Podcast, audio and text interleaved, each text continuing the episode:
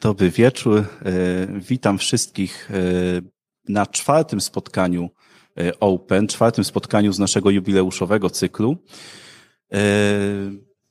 Znów widzimy się w rzeczywistości wirtualnej, ale nasi goście są absolutnie prawdziwi. Czwarte spotkanie w cyklu jubileuszowym świętujemy jubileusz 50-lecia duszpasterstwa akademickiego, ale e, chcemy, żeby ten jubileusz e, stał się także mm, momentem e, refleksji, zastanowienia się mm, nad naszą wiarą, ale też nad tożsamością duszpasterstwa akademickiego, nad tym, co jest, nasz, co jest wyzwaniem dla nas, jak sobie z tymi wyzwaniami radzić.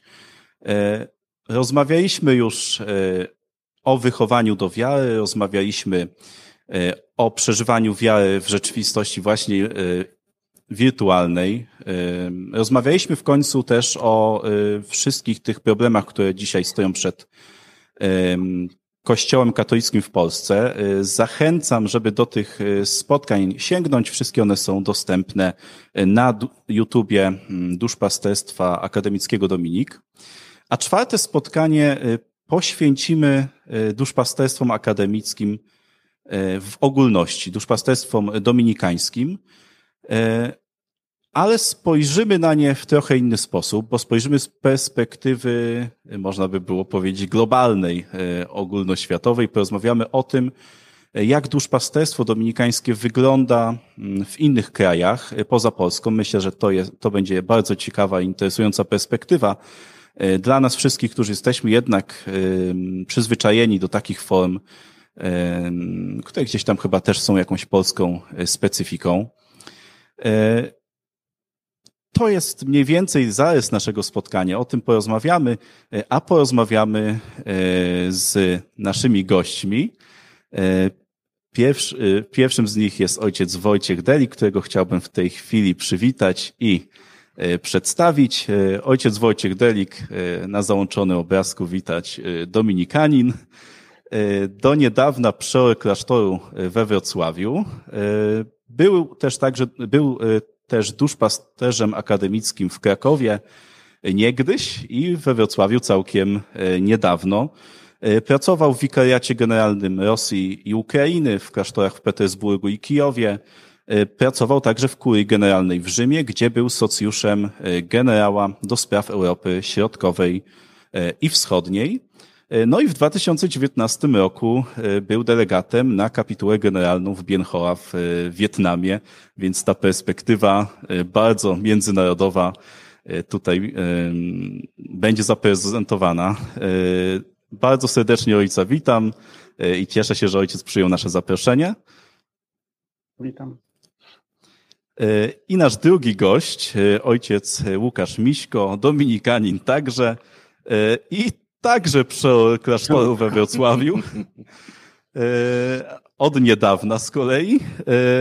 Prezes Fundacji Dominikańskiej Ośrodek Liturgiczny, były duszpasterz szkół średnich w Jarosławiu, a w latach 2009-2019 ojciec Łukasz pracował w Stanach Zjednoczonych, gdzie był duszpasterzem akademickim w Nowym Jorku, e, Seattle i e, Salt Lake City. Mam nadzieję, że tu nic nie pomyliłem. I jest także członkiem podkomisji do spraw muzyki liturgicznej Zakonu Kaznodziejskiego, także ta perspektywa też liturgiczna tutaj nam się pojawia. Bardzo serdecznie Ojca witam i dziękuję za przyjęcie zaproszenia. Dzięki za zaproszenie. Dobry wieczór. Także mamy dodatkowy smaczek, y, można powiedzieć, PR-owski w postaci rozmowy dwóch przeorów, y, ale skupimy się na ojcu w doświadczeniu y, zagranicznym, trochę zostawiając te nasze wrocławskie wątki. Na samym początku, tak jak można się domyślać, takie pytanie na rozgrzewkę, ale nie o to, jak zaczęła się ojców przygoda z duszpasterstwem akademickim, a o to, jakie miejsce ojca zdanie, ojców zdaniem zajmuje duszpasterstwo akademickie można powiedzieć, w tej aktywności dominikanów. Czy ono stało się już, można powiedzieć, częścią takiego DNA zakonu, czy jednak pomiędzy poszczególnymi prowincjami można zauważyć, że na duszpasterstwo akademickie jest położony większy albo mniejszy nacisk? Czy też, no właśnie, czy, czy jest jakąś istotną inicjatywą, czy bywa też raczej e, dodatkową aktywnością, gdzieś obok e, tak może istotniejszych zaangażowań e, zakonu? Więc to jest takie pytanie ogólne, żebyśmy otworzyli tę dyskusję i oddaję głos może najpierw ojciec Wojciech. Hmm. Dobrze. Powiem, trzeba zacząć, że to wszystko zależy gdzie.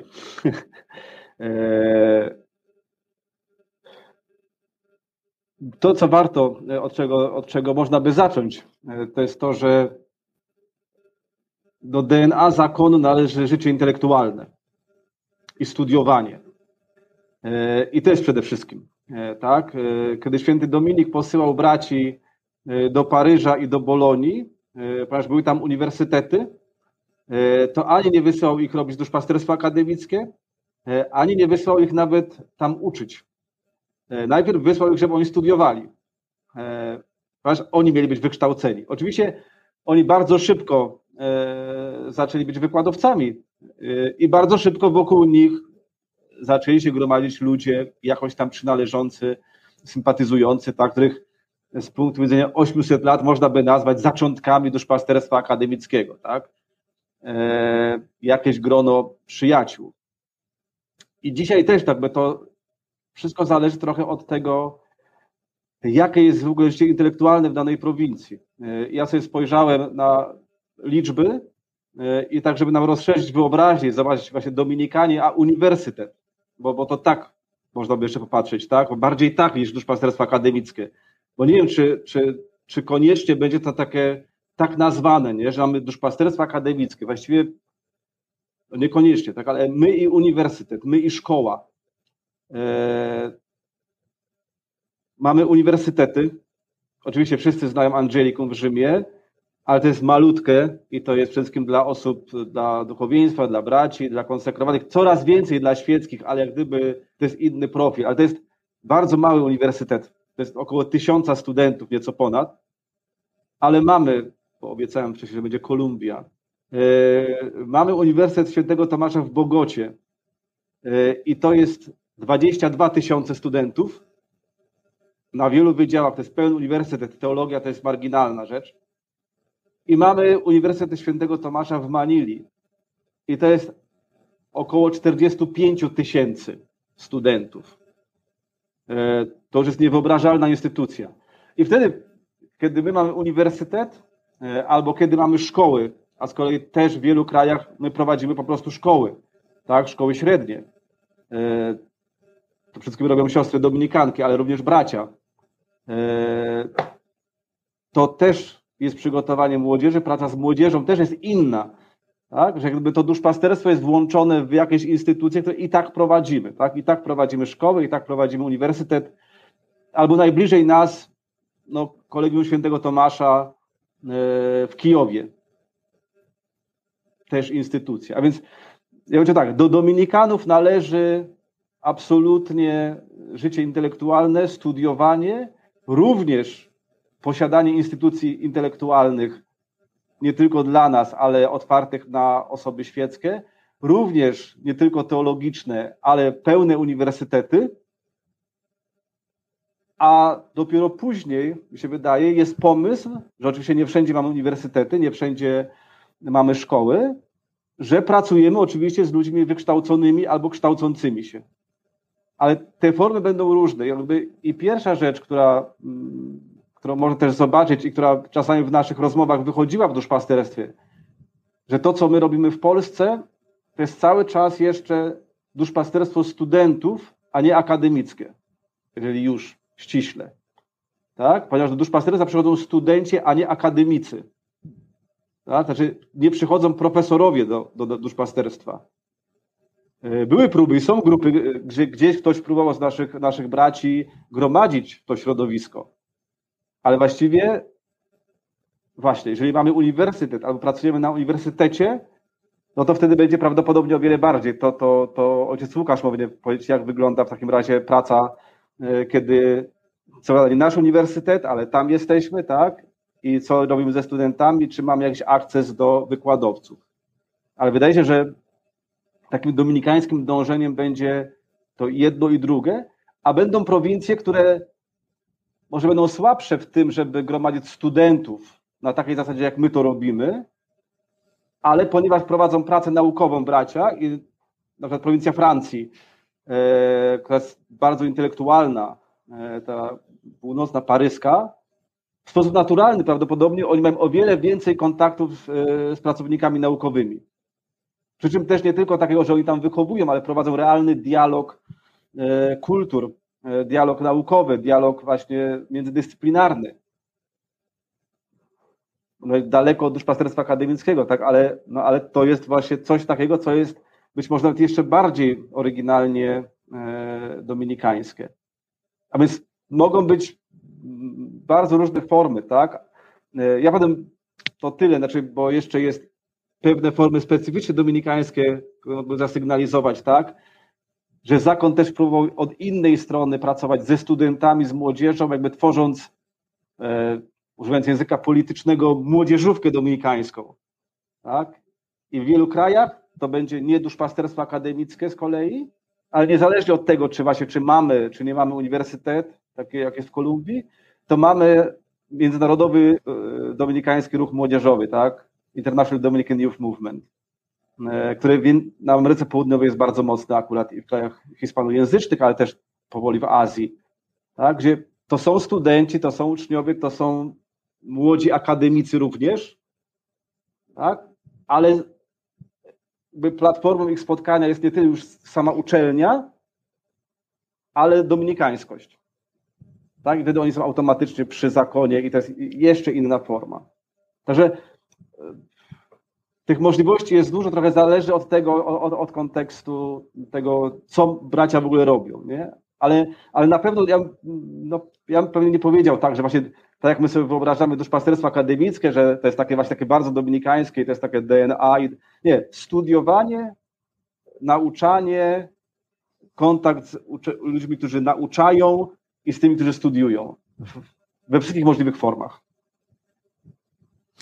E, jasne, to właśnie w tym moim pytaniu już jest przykład e, tej naszej polskiej perspektywy, ponieważ no, my zakładając, że w zasadzie przy każdym klasztorze albo przy każdym dużym klasztorze w Polsce istnieje duszpasterstwo akademickie, no to zakładamy, że jest tak wszędzie i właśnie ten, ta pułapka takiego polskiego spojrzenia już w moim pytaniu gdzieś wybrzmiała, którą to, z której to pułapki ojciec Wojciech mnie wyprowadził. No i w tym momencie oddaję głos ojcu Łukaszowi. Tutaj kilka wątków się już pojawiło, do których jeszcze nawiążemy, czyli to ta kwestia duszpasterstwa studentów, a nie kwestia, dusz, a nie duszpasterstwa środowisk akademickich. E, to pewnie jeszcze o tym porozmawiamy. No ale właśnie, jak ojciec to widzi, te role duszpasterstwa akademickiego, czy duszpasterzowania właśnie w, w aktywności zakonu Mm, no może przede wszystkim właśnie za granicą w Stanach Zjednoczonych czy w innych miejscach.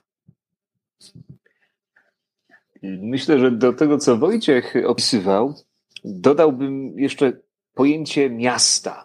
E, Dominikanie rodzą się, tak historycznie patrząc, wtedy, kiedy oczywiście uniwersytety powstają, ale one powstają gdzie? W miastach. Miasto jest takim fenomenem, który odstrasza pewne może typy czy charyzmaty zakonne. Dominikanów miasto nie powinno przerażać. Wręcz przeciwnie, tam gdzie te idee się rodzą, gdzie się zderzają, gdzie jest tworzona kultura, my jako Dominikanie mamy coś, myślę, bardzo ważnego do zaoferowania. E, no i oczywiście uniwersytet jest taką, e, taką przestrzenią, gdzie te idee są porządkowane akademicko. Są wydziały, są budżety na to, żeby pojawiały się badania, e, żeby te idee jak gdyby się tam zderzały w sposób taki laboratoryjny i kontrolowany, ale myślę, że całe współczesne miasto jest taką przestrzenią, gdzie bardzo dużo się dzieje ciekawych rzeczy. My jako Dominikanie, jeśli coś jest w naszym DNA, tak globalnie, to myślę właśnie, że jest to taka pasja do, do tego miejsca, które, e, którym jest miasto. E, jak to wygląda w Stanach? No właśnie troszkę inaczej, dlatego że tam z kolei y, uniwersytety czasami uciekały od dużych miast. Jest coś takiego, że kampusy uniwersyteckie często są takimi po prostu samoistnymi miastami, gdzieś tam raczej na uboczu i tam też Dominikanów ciągnie. E, przynajmniej w tej prowincji, w której spędziłem większość mojego czasu, 8 lat e, na, na zachodzie Stanów Zjednoczonych, jest wiele takich miejsc, które nie są metropoliami typu e, Nowy Jork czy Los Angeles, ale Dominikanie tam są, dlatego że to są uniwersytety bardzo ważne dla danego regionu, dla danego stanu. To ma też taką swoją ciekawą kulturę, e, taką powiedziałbym holistyczną, bo w sumie kampusy uniwersyteckie w Stanach, czy będzie to duże miasto jak Nowy Jork, czy Seattle, czy, czy mniejsze miasto e, jak Salt Lake City, czy na przykład w Eugene w Oregonie. Pewnie nikt z Was nie słyszał w życiu o Eugene w stanie Oregona. To jest bardzo, bardzo ciekawy uniwersytet e, stanowy właśnie Oregonu, gdzie Dominikanie również mają klasztor i duszpasterstwo.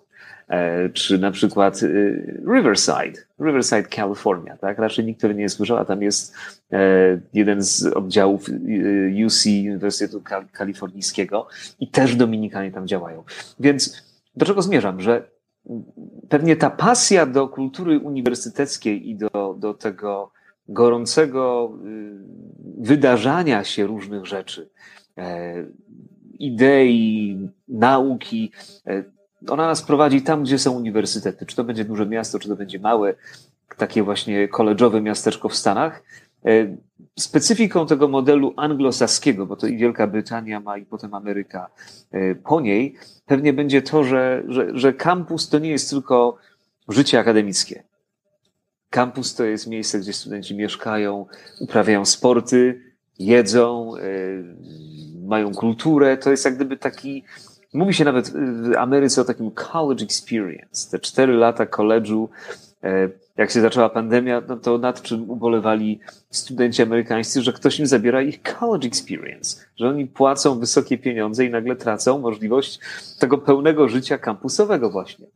My jako Dominikanie, jeśli to nas będzie ciekawić, to o tym mogę też opowiedzieć troszkę później, ale weszliśmy na kampusy uniwersyteckie jako część struktury kampusowej. To jest pewnie ta największa różnica między Polską, czy może modelem kontynentalnym w Europie, a właśnie tym modelem e, amerykańskim.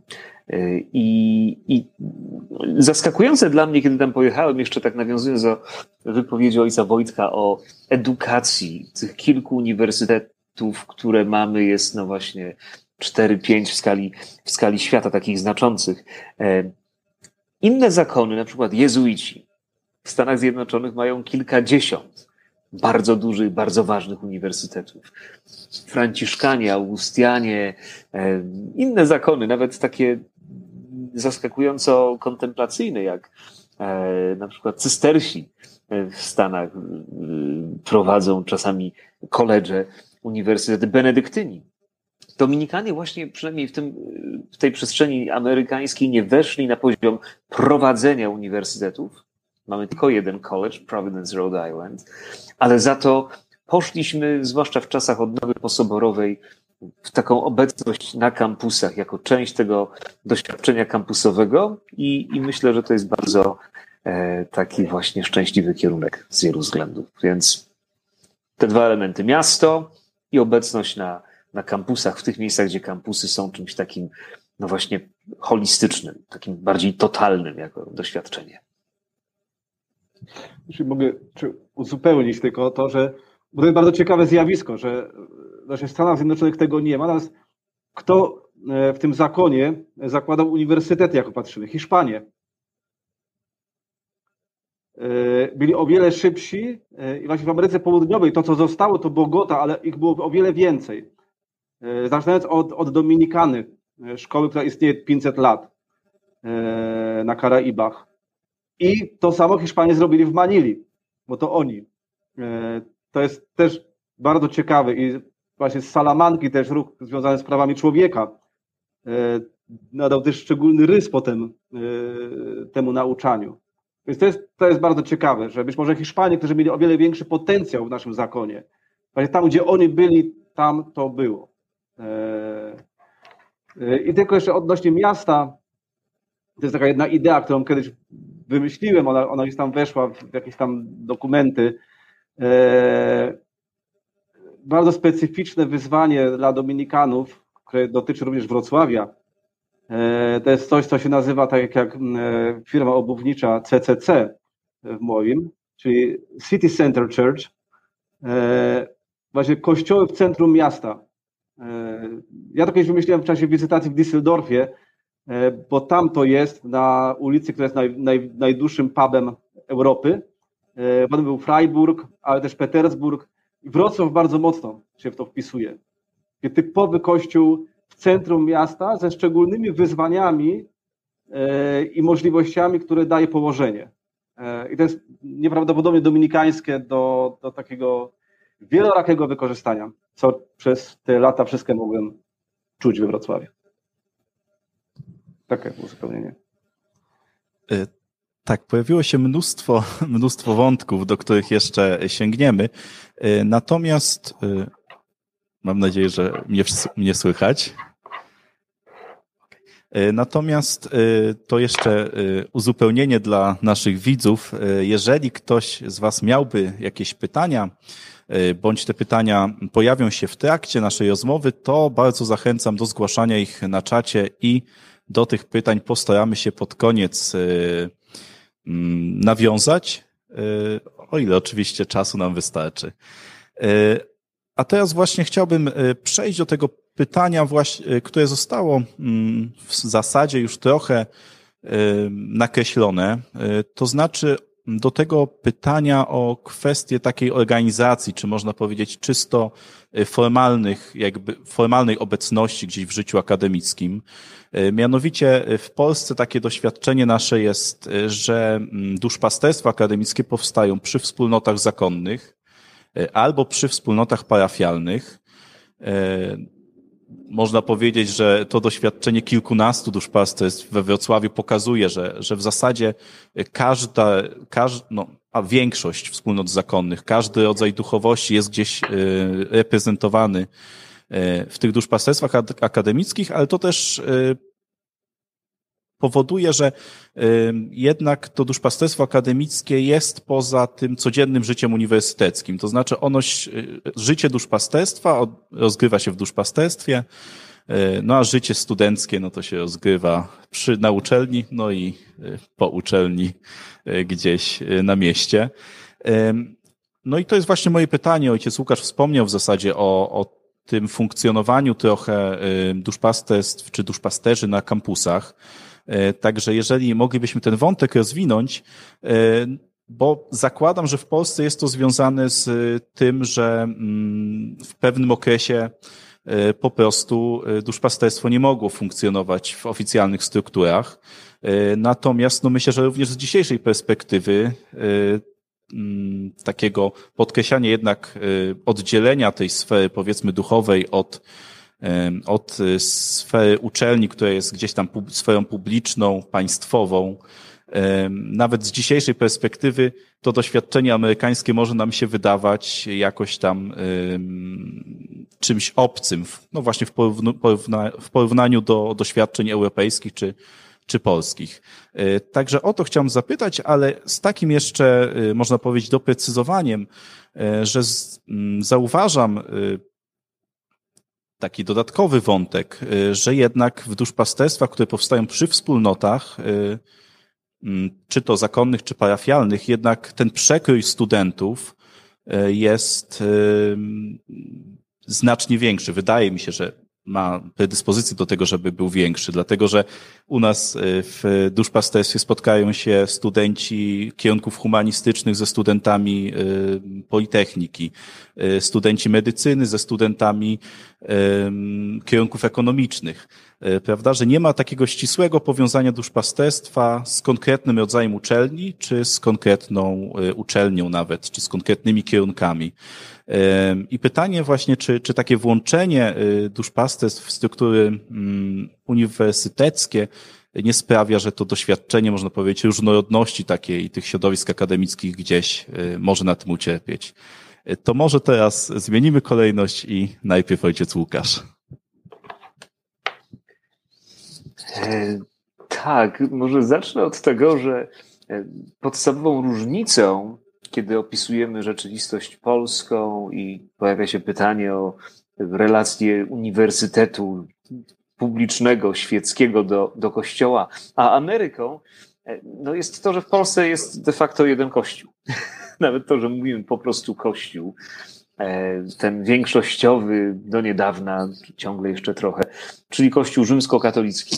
E, w Stanach oczywiście nie ma religii większościowej, znaczy chrześcijaństwo szeroko pojęte w wielu jego nurtach jest ciągle religią większościową, ale no, nie ma żadnego statusu przynajmniej w takim właśnie życiu e, kampusowym, no dlatego, że chrześcijaństwo jest też wielowątkowe, wielowarstwowe, a zatem myślę, że my jako duszpasterze nigdy nie przychodziliśmy do żadnego uniwersytetu jako instytucji z pozycji odgórnej, z pozycji jakiejś dominacji kulturowej, że my jako religia niemalże państwowa, oczekujemy należnego nam miejsca.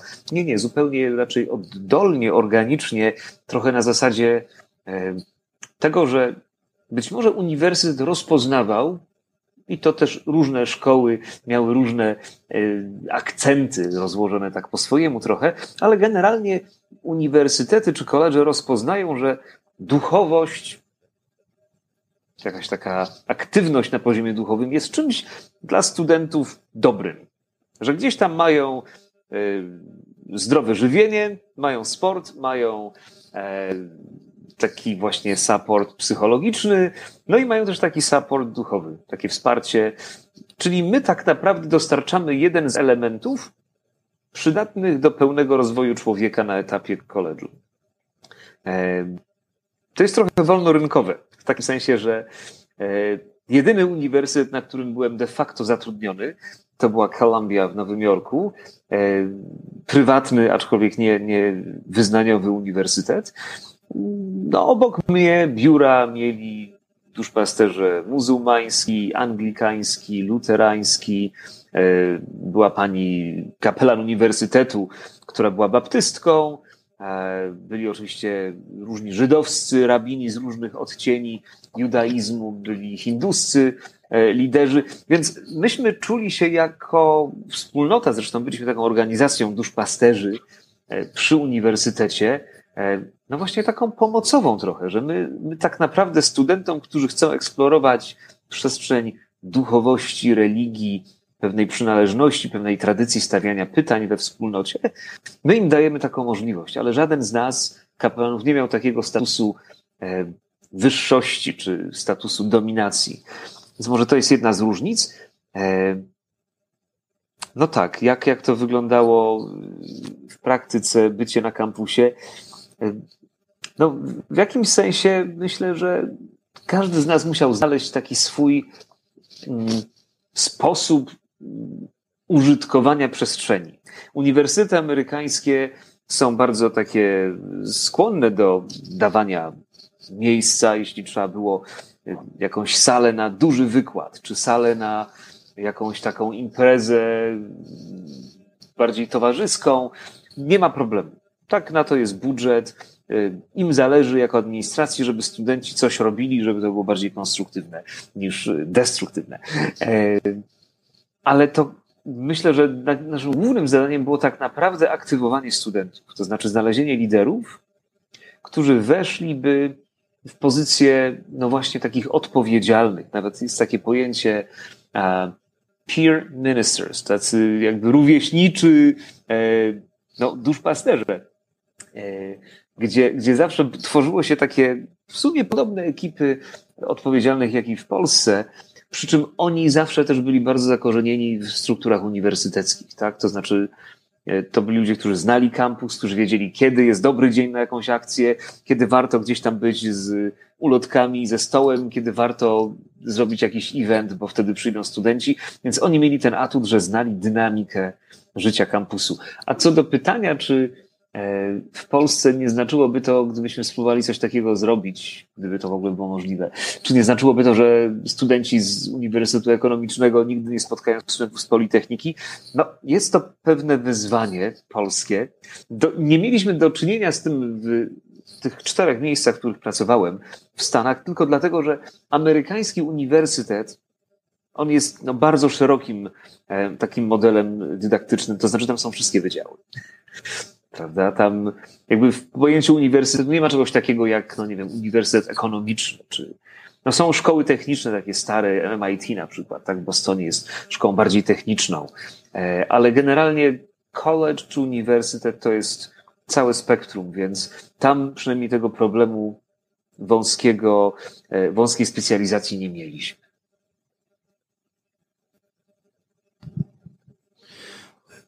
I teraz e, oddaję głos ojcu Wojciechowi. Też pytanie właśnie o te mm, formy, znaczy o te formalne, można powiedzieć, podstawy gdzieś tam e, funkcjonowania duszpasterstw akademickich, e, może poza Stanami Zjednoczonymi, o których ojciec Łukasz już wspomniał, ale to jest też na przykład pytanie o to, jak to wygląda na tych uniwersytetach, które są uniwersytetami dominikańskimi, czy jakby to jest już, y, można powiedzieć, immanentna część uniwersytetu, czy jednak jakoś gdzieś tam jest to oddzielone, prawda? Bo zakładam, że studentami tych uniwersytetów dominikańskich niekoniecznie są osoby, tylko osoby wierzące, prawda? To, że, tak, to są najpierw modele jeszcze, tak, bo, bo gdyby szukać, co wybrać, e, najczęściej to jest tak, że wybiera się znaczy, to, co jest w ogóle możliwe, tak? że, że wiele rzeczy determinuje prawo. Trochę jak w Polsce, tak? Znaczy, tak naprawdę to, to, to system zdeterminował e, na, na, na wiele lat model naszego duszpasterstwa. E, stąd teraz można by się zastanawiać, tak, czy czegoś nie poszerzać. Przez lata było to no, E, jedyna możliwość, jaka była, to po prostu maksymalnie u siebie robić, ile się, ile się uda. E, gdzie indziej jest to niemożliwe, bo, bo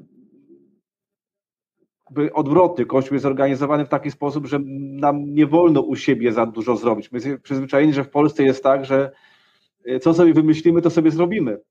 Naprawdę nam nikt, nikt się do tego nie miesza. Co prawda biskup formalnie wszystko, co dzieje się duszpastersko, jakoś należy do niego, bo to jest jego diecezja, ale no jeszcze nie było, nie pamiętam jakichś wielkich wizytacji e, biskupich naszych duszpasterstw, tam z wyjątkiem jednej sytuacji, która jest przed dziesiątków lat e, z Krakowa, e, gdzie była interwencja jeszcze kardynała Wojtyły. Natomiast takie systemy jak w Niemczech, tam się najbardziej spotykałem, rozmawiając z braćmi, którzy cierpieli z powodu systemu, Kościół jest tak doskonale zorganizowany, że on sobie zorganizował, gdzie jest duszpasterstwo akademickie i to jest etat, albo pół etatu, albo ćwierć etatu, który się odpowiednio dzieli. I właściwie jest to tak, przypisane do uniwersytetu. E, i właściwie nie bardzo my możemy działać tak, jak chcemy, no bo bracia muszą mieć pracę, muszą mieć te etaty, muszą, to jest opłacane, to jest genialnie zorganizowane, ale daje absolutnie minimalną wolność, więc e, ja wiem, takim miałem małym miasteczku Feśta, gdzie mamy szkołę średnią, ale też brat pracuje jako duszpasterz akademicki, chociaż się dziwiłem, gdzie tam jest w ogóle jakaś uczelnia, ale okazało się, że jest. E, I on ma ćwierć etatu. E, ćwierć etatu ma luterański pastor i w ogóle oni mają jedne pomieszczenia. I tam w czwartek od takiej do takiej ma jeden, potem przychodzi drugi. To taki, taki wymuszony ekumenizm, którym oni sobie dają rady, ale no, pole manewru jest praktycznie żadne. Nie? To samo w Freiburgu, zresztą to samo, kiedy rozmawiam o liturgii, o katechumenacie we Freiburgu, kiedy ja opowiadam, że ja mogę zrobić tam może w ciągu roku, a może sobie wydłużę do półtorej roku. Mówię, nie. Kuria zdecydowała, mam siedem spotkań. Ja nie mogę zrobić osiem spotkań, bo ma być siedem spotkań. On ma za to płacone, ale nie ma żadnej wolności. Więc są też takie systemy, tak, że, które no, naprawdę nie pozwalają działać. E, a są takie, gdzie właśnie mamy wszystko z kolei, tak jak właśnie Manila, która ma pewnie wszystkie wydziały i szpital i tak dalej. E, I to jest jakoś włączone, ale rzeczywiście to nie jest tak, że e, znowu ideowo, że wszyscy studenci spotykają się na apelu rano, tak, i odmawiają pacierz wspólnie, bo są studentami Uniwersytetu Świętego Tomasza. Myślę, że masę niewierzących ludzi, czy wierzących inaczej, tak samo w Bogocie. Natomiast w Bogocie akurat byłem w kaplicy, tak, na, na ogromny uniwersytet, malutka kaplica, widocznie wystarczająca i nawet narzekali, że tam duszpasterstwo to nie bardzo działa. Nie? Oni bardziej poszli właśnie w już dominikański specyficznie e, taki tożsamościowy ruch młodzieżowy, z tymi ludźmi bardziej pracują, e, oni się angażują też społecznie, e, to są też studenci, ale jak gdyby trochę, trochę po innej linii. Także to i myślę, że patrząc na przyszłość, przede wszystkim no, odpowiadając, czy to czy ogranicza, czy nie, trzeba korzystać z okazji, która jest. Zawsze dążąc do tego, co lepsze. Tak? Bo jeżeli mamy jakieś możliwości, to mamy maksymalnie skorzystać. Tak, jeżeli e, Polska akurat daje przy wszystkich ograniczeniach, które miała, też daje ogromne możliwości, bo jednak ogromnej wolności braci. Naprawdę trochę co wymyślimy, to możemy robić. E, tak. Oczywiście pytanie, jak daleko możemy zajść, właśnie w, gdzieś tam wchodzeniu na uczelnię, co to miałoby oznaczać, czy to jest konieczne, tak? E, być może to by było, co byłoby konieczne, no, wynajęcie sali, zrobienie wykładu na uczelni, tak? Kiedy my się już nie mieścimy, kiedy, kiedy możemy coś szerzej, kiedy możemy to otworzyć na ludzi, którzy do nas nie przyjdą. Może, może coś takiego. Jeżeli można, jeżeli można, to trzeba skorzystać. E, bo to chyba na tej zasadzie trzeba bardziej patrzeć, tak? E, jeszcze o doświadczenie, bo na pewno ktoś może zapytać, tak, o doświadczenie Rosji, że zupełnie inny świat jest, tak, kiedy Kościół jest mniejszościowy i to nawet nie, nie, nie tak mniejszościowy jak e, w Stanach Zjednoczonych, tak, gdzie już wiadomo, które tam większość, mniejszość tych, tych, tych, tych, tych wyznań jest bardzo dużo, ale gdzie mamy dominujące inne wyznanie chrześcijańskie, a katolików jest, no tam w takim Petersburgu, tam jedna setna procenta, czyli no, taka liczba tam powiedzmy 5 tysięcy na 5 milionów, tak? Można sobie przeliczyć e, praktykujących. E, to wiadomo, że nie zrobi się wielkiego duszpasterstwa akademickiego, tak? No bo e, w tej grupie parafialnej, która liczy w największych parafiach, jak święta Katarzyna w Petersburgu, tam 500 osób, a w wielu kilkadziesiąt osób, no to statystycznie na to będzie przypadało tam kilku studentów, nie? No to trzeba się nimi zaopiekować, nie? No, ale wiadomo, że to nie będzie żadna specjalna struktura, bo byłaby powielaniem czegoś absolutnie sztucznego, tak? E, tam można by działać z kolei na poziomie kultury i zapraszania na wykłady, to co, to co robią bracia w Charkowie. E, właściwie swoich tam nie mają za dużo pomieszczeń, ale mają szkołę teologii, która jest otwarta w wynajmowanych pomieszczeniach. Każdy może przyjść, nie są zaproszenia. Wierzący, niewierzący, proszę bardzo, jesteśmy gdzieś poza, poza miejscem naszym. Nie? Oni są prawda, gdzieś tam przy kurii, ale to mogło być jeszcze na uniwersytecie było myślane. Jeszcze gdzieś wynajmowana sala raz na, raz na dwa tygodnie. Niech przyjdą studenci różni. Będziemy mówili o ciekawych rzeczach. Tak? I możemy zacząć od historii, od czegoś. A więc yy, tak maksymalnie wykorzystanie w, każdej, w każdym miejscu, które daje bardzo różne warunki, się rozglądamy, co my możemy, ile możemy, z kim możemy i chcemy zajść jak najdalej, tak? To jest to właśnie tytuł wszystkim, wszędzie i na wszelkie sposoby, tak? I, i czy Dominikowe pójście na krańce, na krańce świata. No, każdy Dominikanin powinien mieć taki instynkt w sobie, żeby gdzie są te krańce nie? I, prze, i przesuwać je maksymalnie. Nie? Gdzie, gdzie, jeszcze, gdzie jeszcze moglibyśmy? Nie? Co jeszcze moglibyśmy zrobić? Ale w Polsce doceniając to, co mamy, bo, bo, bo y, ja sam jestem y, przyzwyczajony do, do narzekania, że to jeszcze nie to, że to jeszcze nie tak, że to w ogóle stary model, że w ogóle trzeba nowego. Y, natomiast jednak budujemy na takiej bazie niesamowitej ilości inicjatyw, które były wcześniej, czy są, tak, i na wielu takich bardzo solidnych podstaw, które, które innym może być trudno zdobyć, a, a my to po prostu mamy wypracowane. Tak. E, tak, to jeszcze e, za chwilę ojciec Wojciech, e, my się z ojcem Wojciechem chyba za dobrze znamy, bo ojciec już odpowiedział na jedno z kolejnych pytań, ale mam tu na myśli pytanie o Rosję, bo to na pewno jest takie pytanie, na ile w Rosji, gdzie jednak ta tradycja, Rosji, która ma wielką tradycję akademicką, tych wszystkich noblistów, na ile w Rosji właśnie jest potrzeba duszpasterstwa akademickiego dla studentów właśnie katolickich. No ale to w zasadzie ojciec o tym wspomniał, możemy jeszcze do tego wrócić. Mhm. Chyba, znaczy, że te... bo, znaczy ja, ja mogę powiedzieć, co można by, tak? A na co nas nie stać. E, bo oczywiście e, o Rosji trzeba zapomnieć kategorii, tak, tam bracia, księża, ludzie. Jest Kościół katolicki, to jest mała grupa katolików e, i trzeba myśleć o niej jako o całości, tak? Co ta mała grupa może zrobić? Teraz w tej grupie, i to nie jesteśmy my tam bracia, tylko to są świeccy, którzy z nami pracują, są wykładowcy akademiccy. Rozpoznawalni też jako katolicy przez swoich studentów. E, I ich rola jest niesamowita w takim oswajaniu z, e, właśnie z obecnością katolicką, ale też właśnie z Kościołem, który trochę inaczej widzi rzeczy. E, jest taki, taki ekumenizm przez przyzwyczajenie, który jest w Rosji generalnie to jest, jest trudno, tak, z takim oficjalnym ekumenizmem, ale obecność. I były próby oczywiście obecności i kiedy w 90 latach Związek Radziecki się zaczął otwierać, tak, czy potem właśnie e, Rosja, było środowisko, które oczekiwało, ludzi wykształconych, katolików wykształconych rosyjskich, które oczekiwało, że w tej chwili no, e, przyjadą, tak, bracia, przyjadą księża e, ze świętym Tomaszem Zakwinu, z nauką społeczną Kościoła, wejdą na uczelnię, będą mieli doktoraty. No, ja pojechaliśmy, jacy byliśmy, tak, entuzjaści, ale absolutnie nie nadający się do tego, żeby mocno wejść w świat akademicki.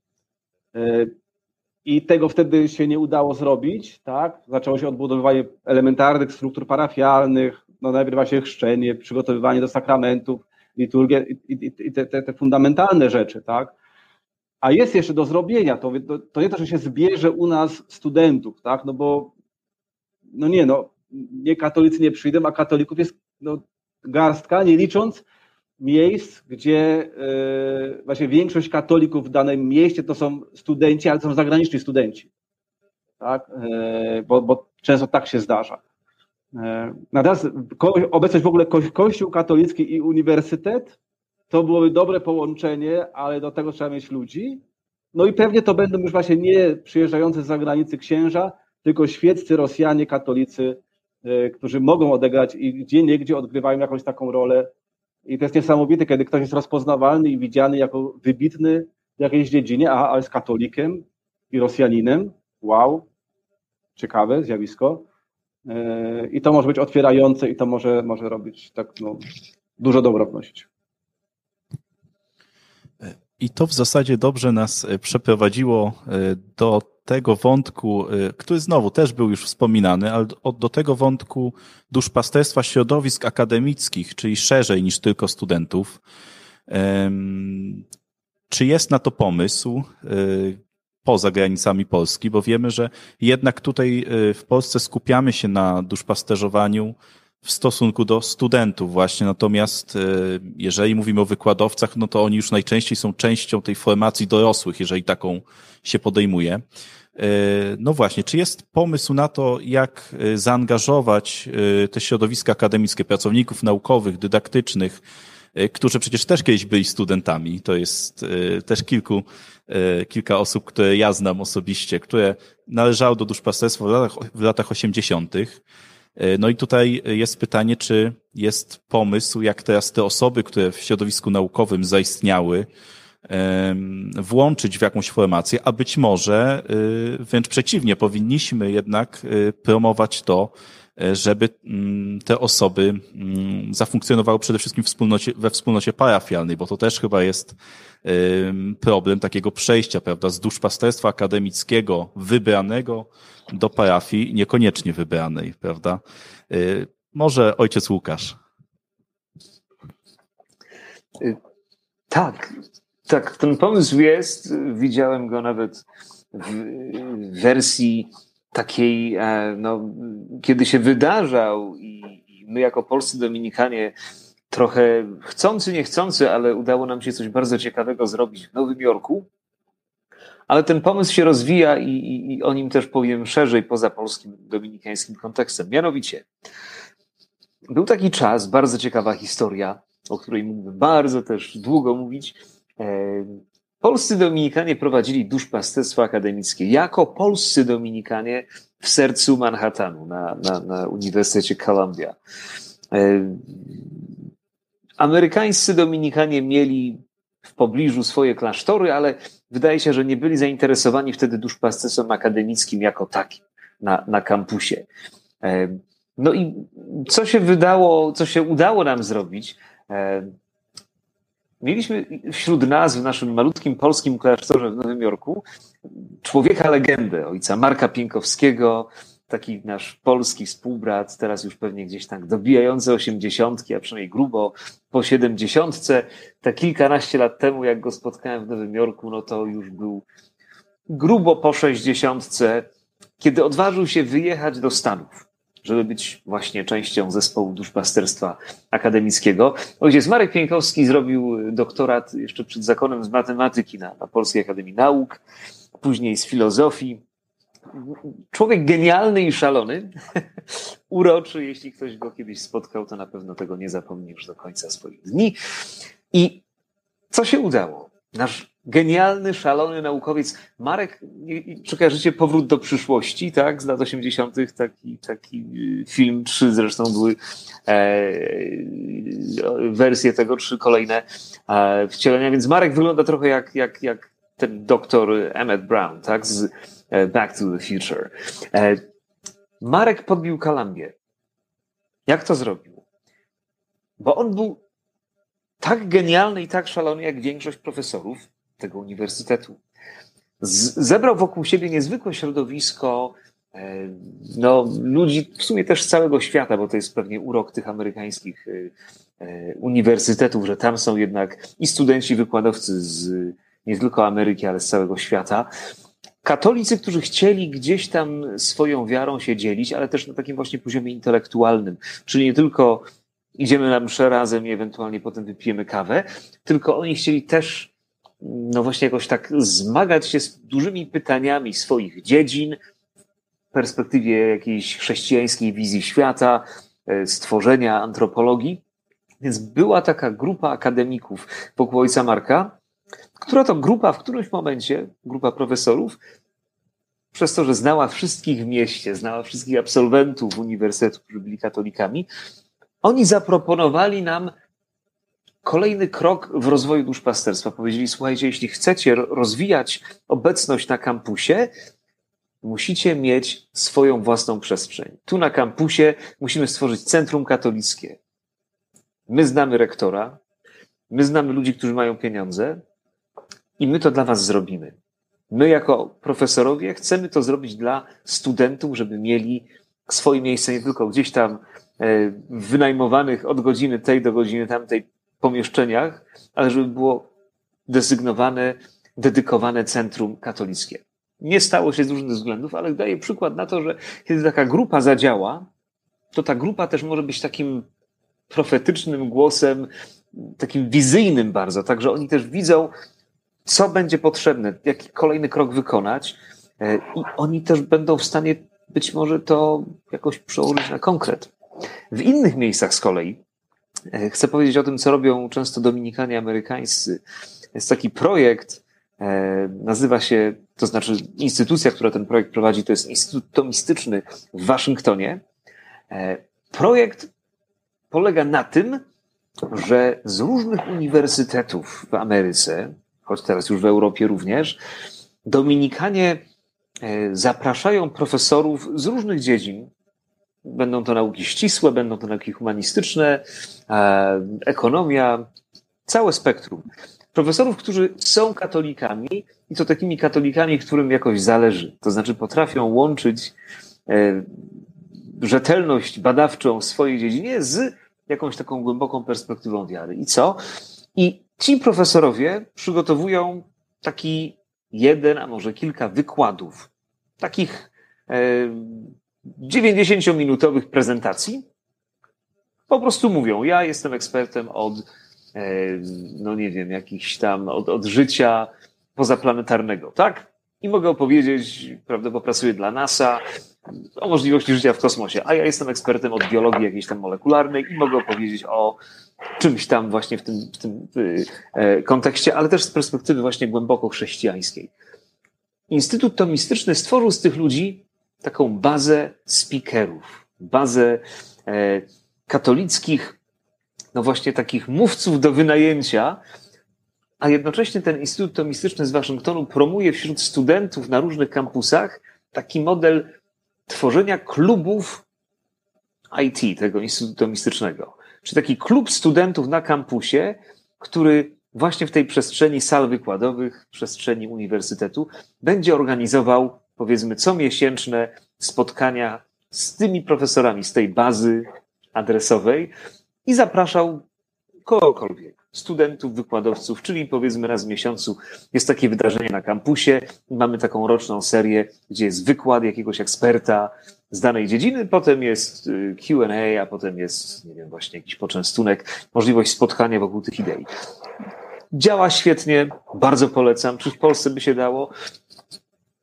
Pewnie mutatis mutandis, ale myślę, że y, no właśnie taki ruch chrześcijańskich intelektualistów, akademików, którzy by spróbowali opowiedzieć najlepiej, jak potrafią coś o swojej dziedzinie, ale właśnie pokazując gdzieś ten wymiar chrześcijański, czy jak to się łączy z naszym chrześcijańskim zadawaniem pytań, próbowaniem no właśnie usensowniania świata. I, i, I może właśnie gdzieś tak między duszpastersko ci wykładowcy by mogli zafunkcjonować, nie tylko jako ci, którym my jako Dominikanie służymy, bo my ich formujemy, ale to oni pomagają nam formować studentów, to oni stają się formatorami. E, ojcze Wojciechu? Mhm. Czy odpowiadając na to jeszcze to pytanie też, które się tutaj pojawiło, e, o właśnie, czy parafia, czy my, czy właśnie po, po, po duszpasterstwie akademickim, e, naturalna jest, znaczy parafia, tylko że tego nie należy przeciwstawiać, bo to wszystko zależy właśnie, czym ma być to duszpasterstwo. Tak? Parafia ma inne, inne funkcje pełni. E, natomiast rzeczywiście, kiedy myślimy o mm, akademikach, o, o, o wykładowcach, o ludziach, którzy prowadzą badania naukowe, to pytanie, co my chcemy z nimi zrobić, tak? Bo tu nie chodzi o to, żeby e, przedłużać im młodość. Nie? Bo pierwszym odruchem będzie taki, no to niech jeszcze przychodzą, nie? Przychodzili jako studenci, a niech jeszcze przychodzą przez 20 lat, nie? To będzie ciekawie. Nie? I będą herbatę pili, będziemy się spotykali, modlili razem, no to, to jest bardzo piękne. E, tylko ci ludzie, jeżeli się czymś zajmują w życiu poważnym, e, to też czasu nie mają za dużo. E, I rzeczywiście ten pomysł z wykładami, ale nie tylko, bo Dominikanie mają też pewne aspekty działalności, które w Polsce są bardzo mało wyrażone, a w innych krajach są bardzo mocne, szczególnie w krajach ubogich, E, takie jak cała działalność, e, którą się określa normalnie jako sprawiedliwość i pokój. Tak? E, czyli praca społeczna. I na przykład środowisko akademickie z Manili, z Wydziału Prawa, już się przejawiło, tak? Znane, że zostali ci ludzie zaproszeni też do pomocy ubogim. Tak? Jeżeli ktoś chce, można na YouTubie sobie zobaczyć, co to są slumsy Manili, E, czy właśnie nędza, jaka jest na Filipinach też w niektórych miejscach. Ludzie pozbawieni swoich praw, pozbawieni często dokumentów, nie znający swoich praw. Więc bracia poprosili właśnie naszych absolwentów uniwersytetu, prawników, żeby po prostu udzielili bezpłatnej też no, no, pomocy tak, tym ludziom, którzy nie mają niczego, żeby ich pouczyli, żeby ich nauczyli, żeby ich wprowadzili jakoś w to, jakie oni mają prawa, żeby mogli z tych praw korzystać e, jako obywatele. E, I to była taka duża akcja. Szczególnie, że w obu tych miastach, żeby to samo będzie to, dotyczyło Ameryki Południowej, gdzie duża część działalności właśnie studentów naszych, również duszpasterstwa akademickiego, czy tego, co weszło w skład ruchu dominikańskiego, to jest dokładnie praca z ubogimi. To jest cały kontynent, gdzie generalnie i bracia, i kto jest blisko, ma taki naturalny odruch do tego, żeby zająć się tymi, którzy najbardziej potrzebują, bo, bo z tą nędzą się sąsiaduje przez ścianę praktycznie. i bycie obojętnym, no trochę by źle świadczyło o tym, po co my jesteśmy w duszpasterstwie, tak? E, byłoby dziwne, gdybyśmy tutaj się czuli świetnie i kształcili i, i, i dobrze bawili, a za ścianą ludzie są pozbawieni absolutnie wszystkiego. E, I w obu miejscach jest tak, że bracia, to, to jest ciekawe zresztą oglądać tak fizycznie, e, mieszkają profesorowie i są klasztory przy uniwersytecie i to, to są pewne warunki rzeczywiście takie dobre. I w tym samym mieście inna grupa braci mieszka w slumsach. E, absolutnie no, pozbawiona praktycznie wszystkiego, tak?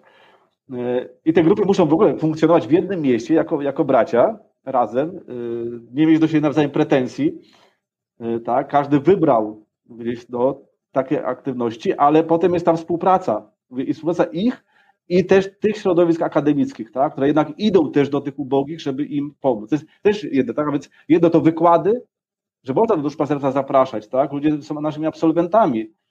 E, nie to, że my będziemy im, im coś prezentowali, tak? No, teraz ich, jest ich czas dawania. E, bo to jest coś takiego bardzo ważnego, tak? Myślę, że w ogóle dla naszych duszpasterstw, tak? Że i, i dla każdego człowieka, że jest czas brania i czas dawania, tak? Jest czas, kiedy ja się uczę, ale jest, jest czas, jeżeli ja nie mam degradować, to ja muszę zacząć dawać. Tak? Jest taki, taki naturalny sposób, tak? że jestem uczniem, ale potem jestem nauczycielem. Również w kościele. My trochę jesteśmy w Polsce nauczeni, że w, że w kościele to zawsze nauczycielem jest ksiądz. A świecki to zawsze jest ten, który słucha. E, no to można na katechezie tak działać, tak? Ale generalnie Kościół nie jest tak wcale zbudowany. E, zresztą nowa funkcja, którą Franciszek oficjalnie włączył jako katechety, nauczyciela, według słów właśnie pisma, nauczyciele, tak? No tak, świeccy nauczyciele, tak? No niech teraz niech ktoś się dziwi, tak? To nie chodzi tylko o panią katechetkę. E, ale właśnie świeccy, które będą nas uczyć. Bo znowu, to powinno, jeżeli to ma być, byłoby sobie wyobrazić taki najzdrowszy model e, funkcjonowania braci ze środowiskiem, to byłoby w takim nieustannym sprzężeniu, gdzie my jesteśmy i tymi, którzy nauczają, i tymi, którzy się uczą. I to ciągle. My ciągle możemy, mamy taką wymianę myśli ze środowiskiem. Tak? Studentom my coś więcej dajemy, od profesorów coś więcej przyjmujemy, ale też jesteśmy w dialogu, bo wielu z nas jest też wykształconych. I, no i wtedy to będzie, wtedy będzie też to, to szansa też pokazania takiego zdrowego modelu kościoła. E, bo jedną z tych niesamowicie ważnych rzeczy, która no w tej chwili przed Kościołem w Polsce stoi, tak? I myślę, że to jest też to, co cecha dominikańskie duszpasterstwa, szczególnie z tego starego okresu, wniosły, tak? Bo jeżeli patrzymy na dzieło ojca Ludwika Wiśniewskiego, e, tak? które wyszło na to środowisko zaangażowane politycznie, e, które jakoś tam no, no, no dokonało tych przemian właściwie ustrojowych w Polsce, E, no to to jest właśnie taki moment teraz jeszcze ważniejszy, tak? Rola świeckich w kościele. Nie? A więc jeżeli nawet myślimy o nowym modelu, o włączeniu środowiska akademickiego, tak, ale według nowego modelu, znaczy według tego no, kościelnego, eklezjalnego, z dobrą eklezjologią, tak, yy, posoborową, gdzie i świecy są i do świętości powołani, tak, i do nauczania powołani, i w ogóle są tak, chrześcijanami, a nie nie tylko tymi, którzy ciągle patrzą na księdza, co on powie, tak, e, kimkolwiek by nie był, tak, bo i, to, jest, to, jest, to, jest, to jest duża rzecz do, do, do zrobienia, tak, nie tylko w środowisku naukowym, ale w każdym innym środowisku, tak, że, że, że świeccy muszą odzyskać, uzyskać swoją, swoje miejsce, swoją też, no, móc zaprezentować to, co wiedzą naprawdę, a nie e, człowiek jest wykształcony, przychodzi do kościoła i udaje, że, że nic nie wie, tak, bo musi posłuchać księdza.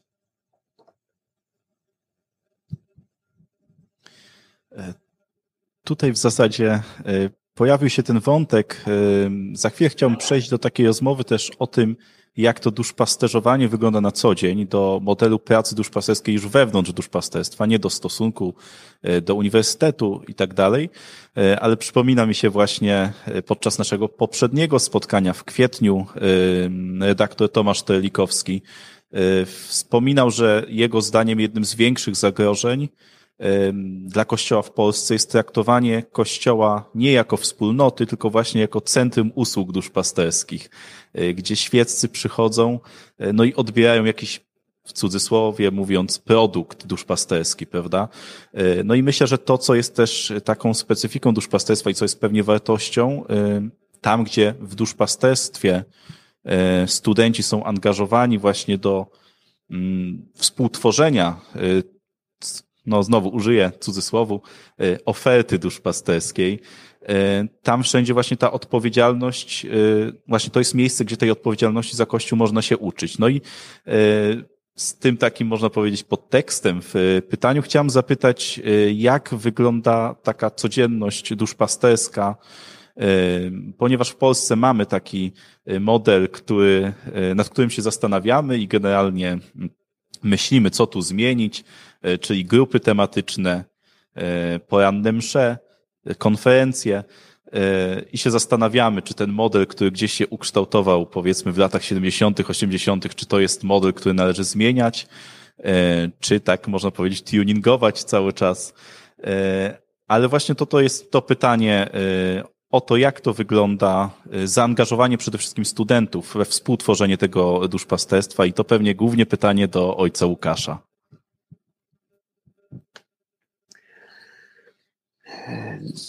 Tak. No, no właśnie, nie chcę brzmieć jak ktoś, kto gloryfikuje ten model, w którym funkcjonowałem, bo, bo on ma wiele słabości, ten model amerykański. Jest też ich kilka tak naprawdę. Ja, no właśnie, tak jak mówiłem, pracowałem przez chwilę z polskimi braćmi na amerykańskim uniwersytecie, a potem przez wiele lat z amerykańskimi braćmi na amerykańskich uniwersytetach.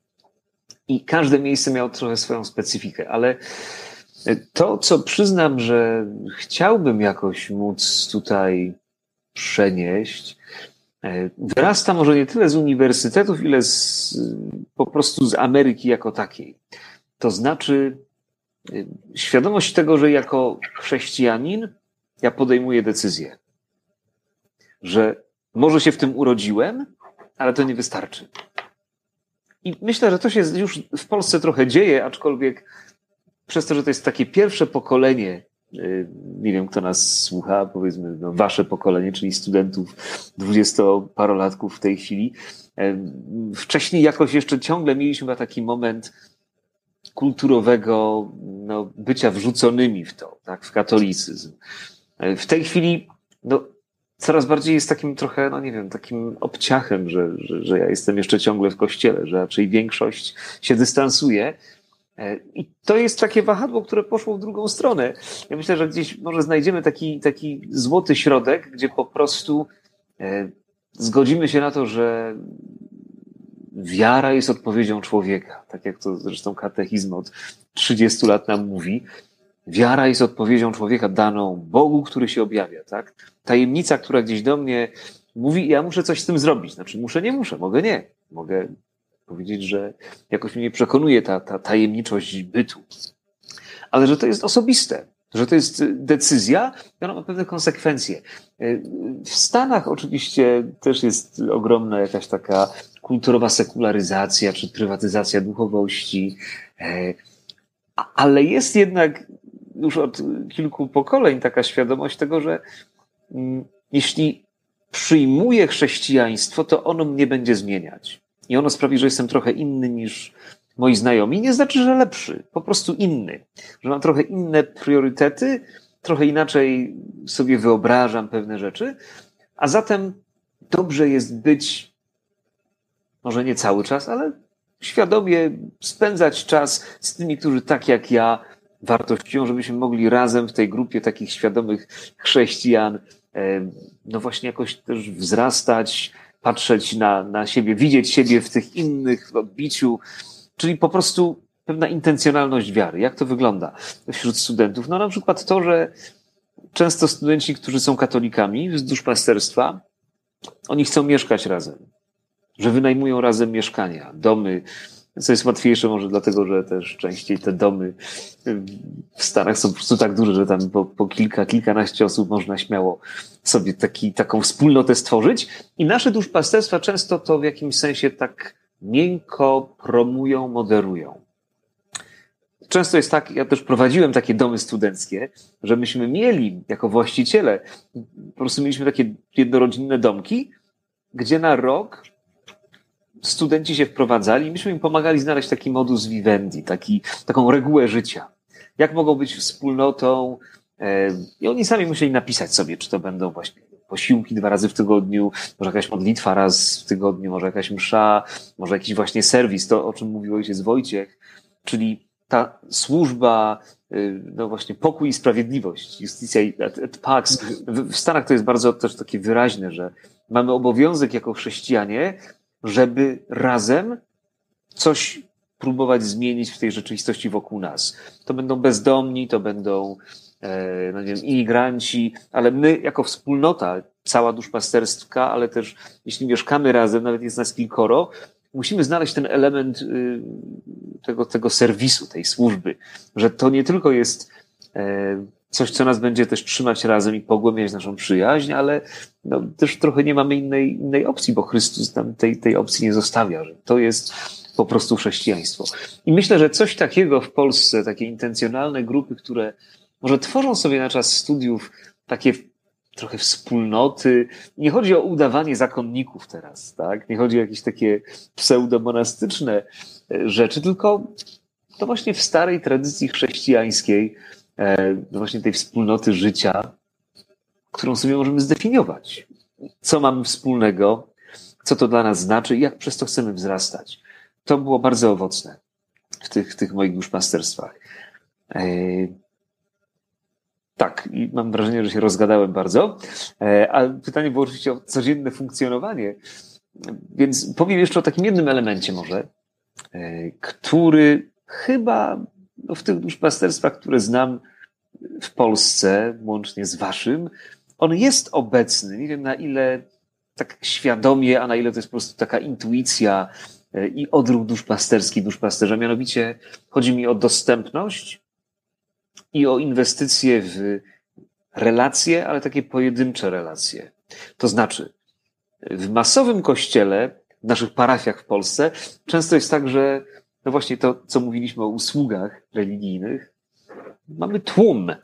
To jest taki po prostu anonimowy tłum, który wchodzi do budynku, spędza czas danej liturgii, wychodzi. Ewentualnie przychodzi na duże spotkanie, wykład, może czegoś się uczy, nie ma za bardzo interakcji i wychodzi.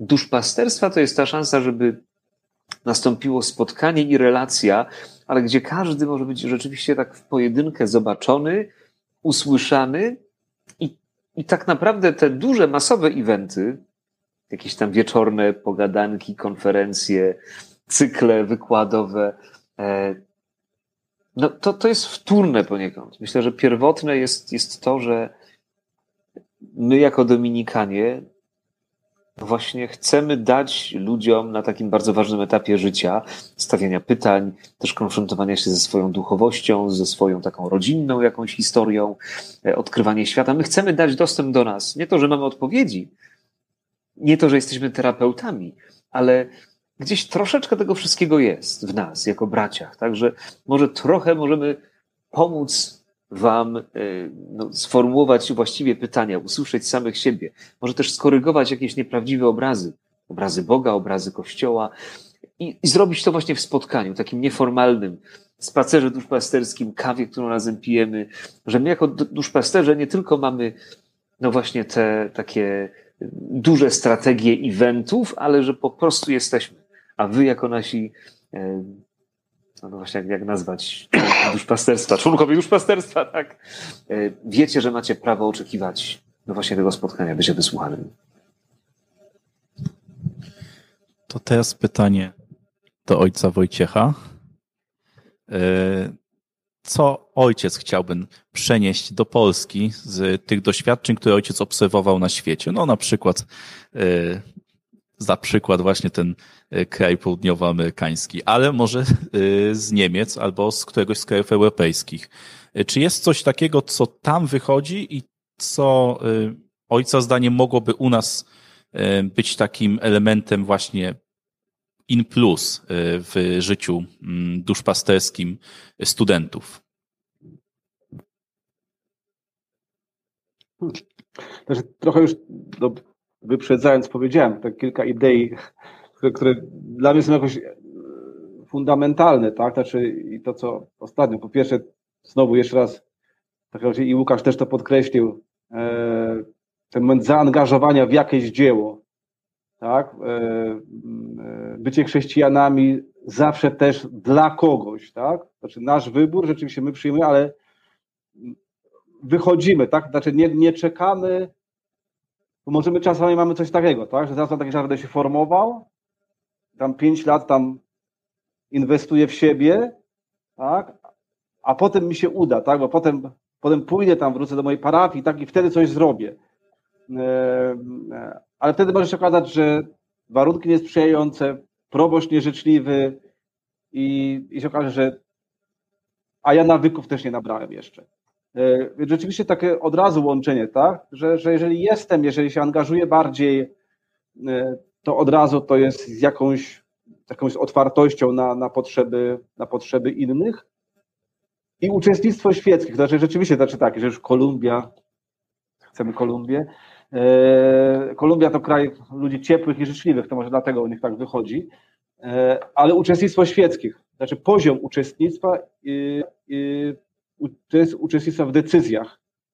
E, to było coś, co mnie absolutnie zachwycało. Oczywiście, znowu, specyfika tam polegała też na łączeniu tego w ramach jeszcze bardzo mocno rodziny dominikańskiej, e, ale jak zobaczyłem, w jaki sposób e, funkcjonuje dwudziestoletnia studentka w rozmowie z prowincjałem Dominikanów Kolumbii, to byłem zachwycony tym taką też pokorą tak, braci czy prowincjała, który jest w stanie wysłuchać i któremu wszystkim to będzie bardzo naturalnie, tak? Może dla nas to byłoby trochę e, na granicy czy za granicą bezczelności, nie? Ale e, taka sytuacja, kiedy przygotowywaliśmy duże spotkanie międzynarodowe, miało tam się kiedyś odbyć, dwa lata później się odbyło, e, i było spotkanie prowincjał, tam jego sekretarz, przedstawiciele fraterni dominikańskich i z tego ruchu, absolutnie takie dla nas dzieci, właśnie dwudziestoletnie.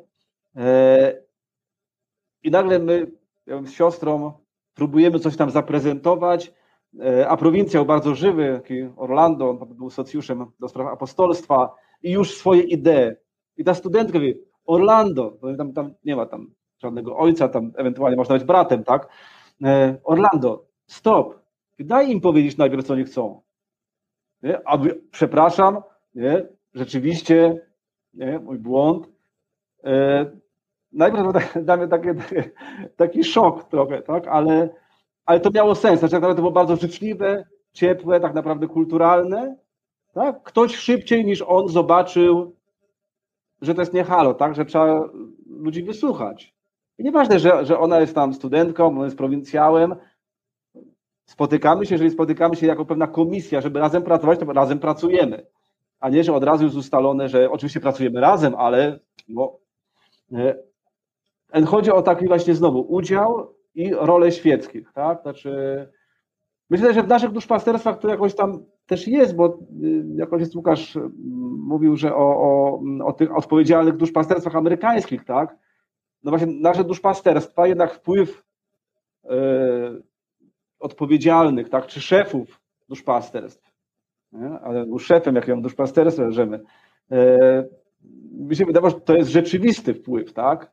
E, to nie jest tylko tak, że, że, że, że tam udajemy, że mamy jakieś struktury demokratyczne, tak? I, i bardziej otwarte, ale wiadomo, wiadomo jak będzie. E, no bo to jest jednak no, moment usłyszenia dla wspólnego dobra. A więc mi się wydaje, że, że gdziekolwiek, coraz bardziej jestem przekonany, że gdziekolwiek coś się dzieje, znaczy to może przybierać bardzo różne formy, tak? Wszystko będzie, jeżeli jest prawidłowa eklezjologia, prawidłowe rozumienie Kościoła, gdzie każdy ma swoją tożsamość, to nie mieszamy ról i powołań, bo to też ważne.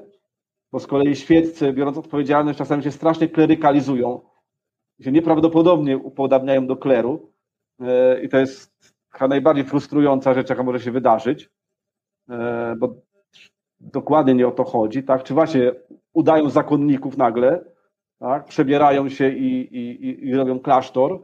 Nie. nie. Prawidłowa eklezjologia, czyli to, że naprawdę mamy w Kościele wiele darów, wiele powołań, wiele ról, ale teraz ważne, żeby każdy harmonijnie działał dla, dla wspólnego dobra, tak? I dla, dla misji. E, Im bardziej to się wydobędzie, tak? Im bardziej też duszpasterstwo akademickie uformuje, e, może też o to by chodzi, jeżeli właśnie co bym chciał, tak? Żeby, właśnie, żeby duszpasterstwo formowało się dojrzałych, odpowiedzialnych chrześcijan, tak? Którzy no, e, nie schowają tego tam gdzieś dla siebie, tak? Czyli nie będą żyli moją pobożnością, tak? Stałem się bardziej pobożny w duszpasterstwie, nie? Odmawiałem już dwa dziesiątki różańca, a przed tym dziesiątkę odmawiałem. Nie? Tylko, no, no, oczekujemy czegoś więcej, zdecydowanie.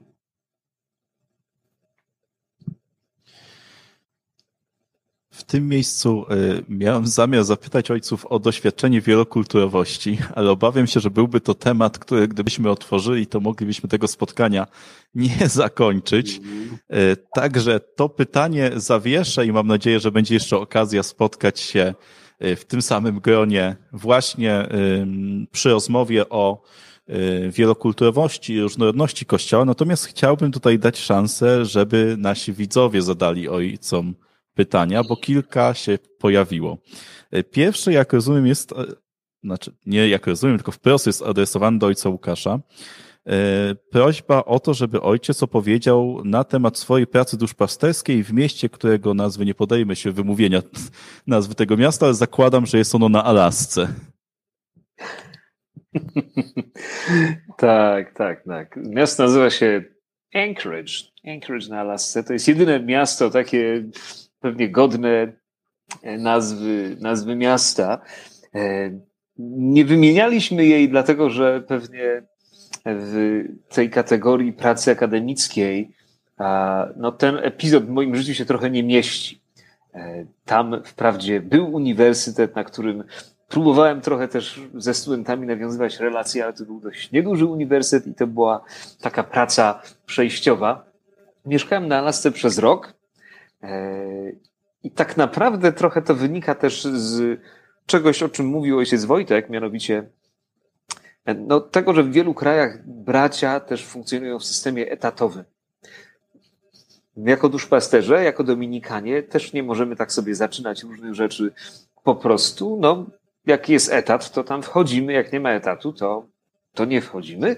No i właśnie kiedy wyjechałem z Nowego Jorku po tym epizodzie pracy z polskimi dominikanami, zostałem zaproszony przez inną prowincję, prowincję e, Najświętszego imienia Jezus z siedzibą w Kalifornii, która sięga właśnie od Alaski na północy aż po północny Meksyk, e, południową Kalifornię na południu. I to zaproszenie było związane z tym, że etat się zwalniał, etat duszpasterza akademickiego w, w Seattle w stanie Waszyngton za rok.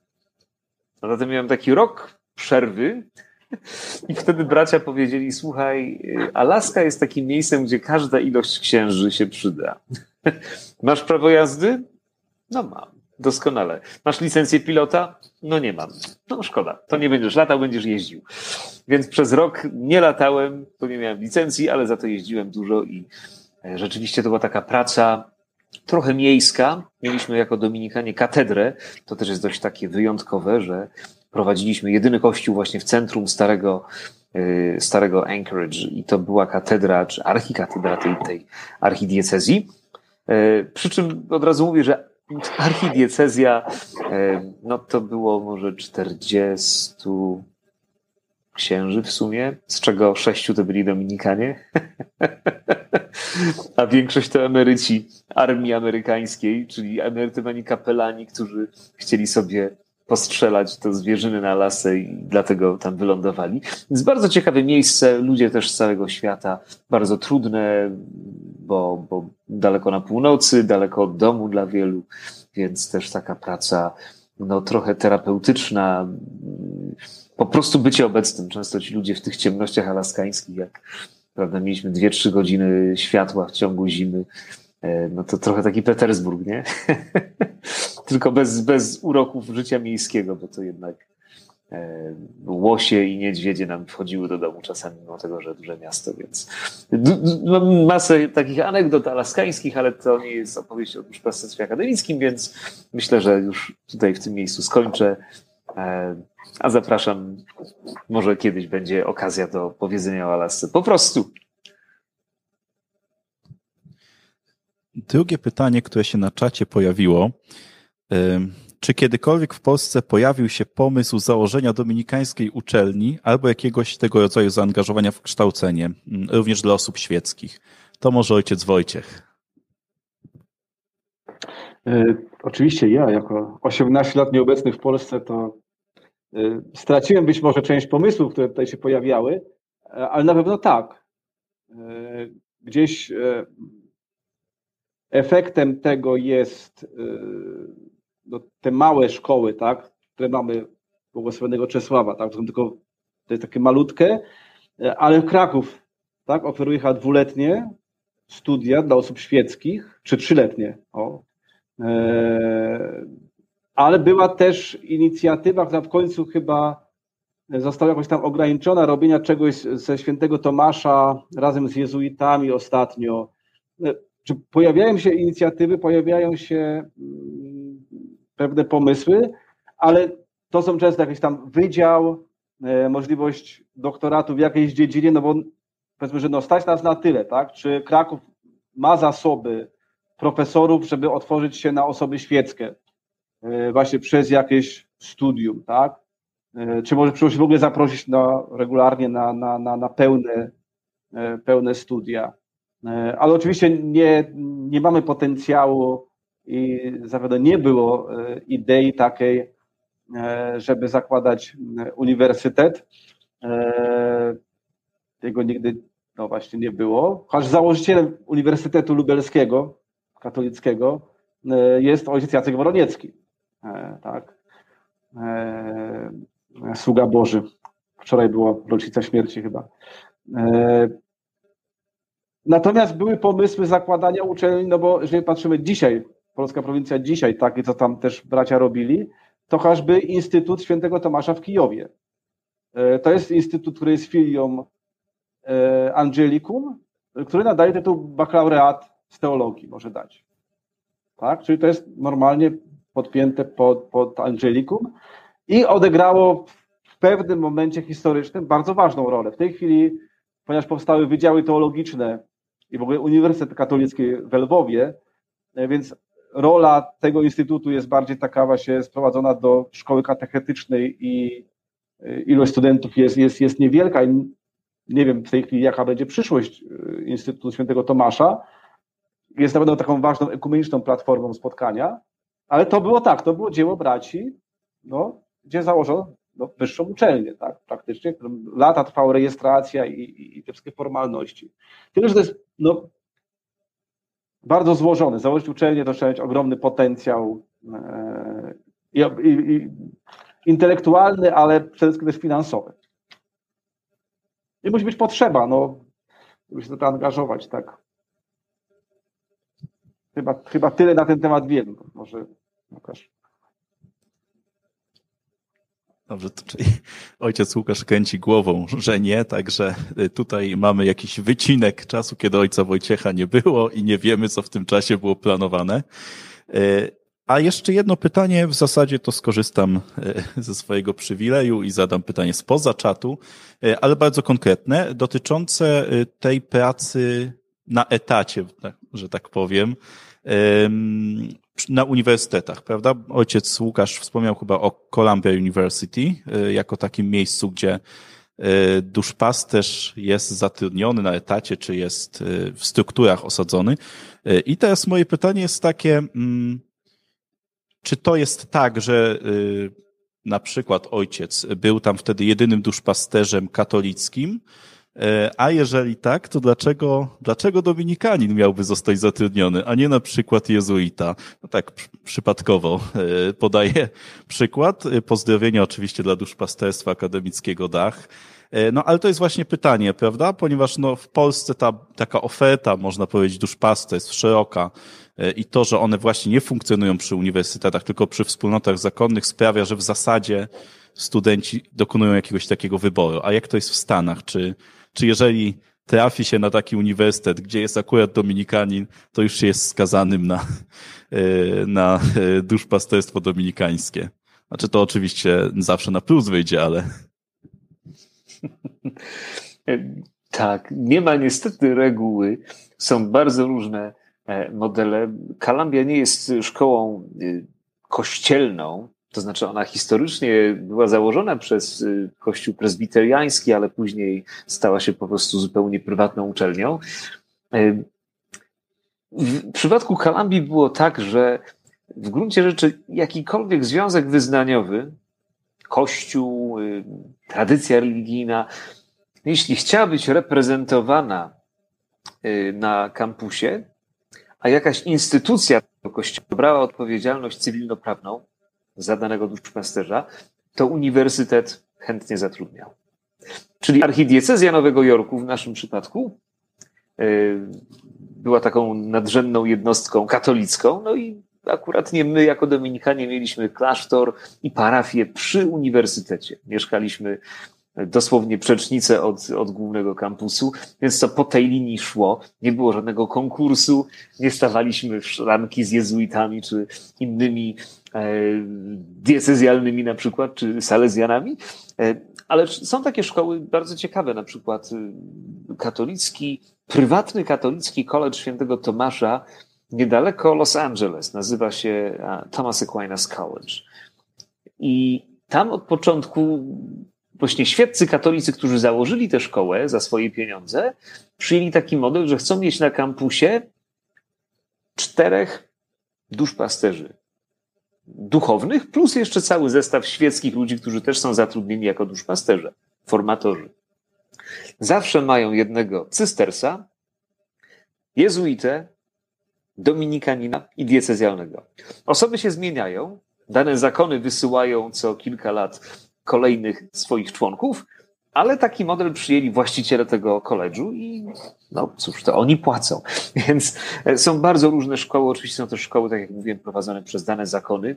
Jest bardzo dużo szkół, uniwersytetów jezuickich i, i, i to jest potęga edukacyjna w Stanach. E, zresztą taka duchowość jezuicka no, polscy jezuici wydają mi się bardziej tacy, powiedziałbym może, no, tacy monastyczno e, tradycyjni. Amerykańscy jezuici są często bardziej tacy, powiedziałbym, no, są pewną awangardą, szukającą jakichś nowych metod, rozwiązań, często gdzieś tam na E, może pograniczu jakiejś ortodoksji czy ortopraksji, ale z takim poczuciem, że no to jest też ich posługa akademicka, że jako jezuici muszą no, stawiać te ważne pytania o granice Kościoła, o, o ubogich, o potrzeby planety. Są bardzo, powiedzieliśmy nie progresywni, ale myślę, że wśród uniwersytetów czy koleżów jezuickich jest też tam w Stanach takie poczucie pewnej dumy e, z bycia, no właśnie, katolikami w tradycji jezuickiej, że tych studentów, absolwentów takich uniwersytetów i duszpasterstw się bardzo łatwo rozpoznaje w kościele. No więc jest to fascynujący świat, o którym również pewnie mógłbym bardzo długo opowiadać. Czy ojciec Wojciech w tej kwestii coś do dodania? Jeżeli chodzi właśnie o tę pracę etatową, można powiedzieć. Znaczy, ona jest. Ja, ja spotykałem się z tym w Niemczech, więc tam, z tego co wiem, E, to rzeczywiście to jest, jest, jest konkretna ilość etatów, tak? No i różne osoby pretendują, tak, może być Dominikanin, ale tak, ale po nim będzie ktoś inny. I to jest jedna z, jedna z trudności zresztą, tak? Jak w Niemczech chce się przenieść brata z klasztoru do klasztoru, to e, najpierw rozmawia się z biskupem i się pertraktuje etat.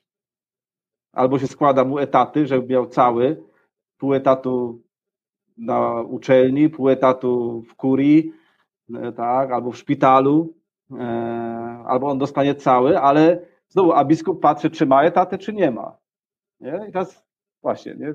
to jest jakby absolutnie prawdopodobnie, tam, gdzie spotykałem braci, którzy pracowali, im się udało to zdobyć, się porozumieli, tak? A, a miał być ksiądz po prostu.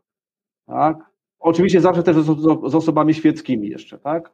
A czy to będzie dominikanin, czy nie, e, to, to już był w danym momencie się robiło coś w rodzaju przypadku, tak?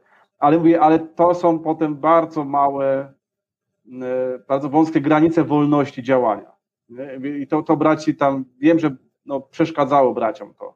Że, że, że woleliby mieć więcej, więc czasami szczególnie młodsze pokolenie, e, kiedy przyjeżdżali do nas, to też niektórzy rozmawiałem potem z taką, też pewną zazdrością, tak, patrząc na naszą wolność działania, nie? której nie mają. Tak, etaty, mm, etat jest czymś generalnie dobrym, z kolei etat ma plusy, bo też i dyscyplinuje człowieka, i do pracy trzeba chodzić, i być na czas, i swoje zrobić, tak, ale potem jest na przykład, nie, nie wiem jak to jest w Stanach Zjednoczonych, tak, ale no, w Niemczech to można się domyślić, tak, że przy okazji to jeszcze jest biurokracja, to są jeszcze papiery, to są jeszcze jakieś dokumenty, bo ci studenci są z różnych krajów, a jeszcze chcą zostać. I ten duszpasterz nagle staje się urzędnikiem, także właśnie każda praca ma takie właśnie tam takie niebezpieczeństwo, że ostatecznie zamieni się częściowo w pracę urzędniczą.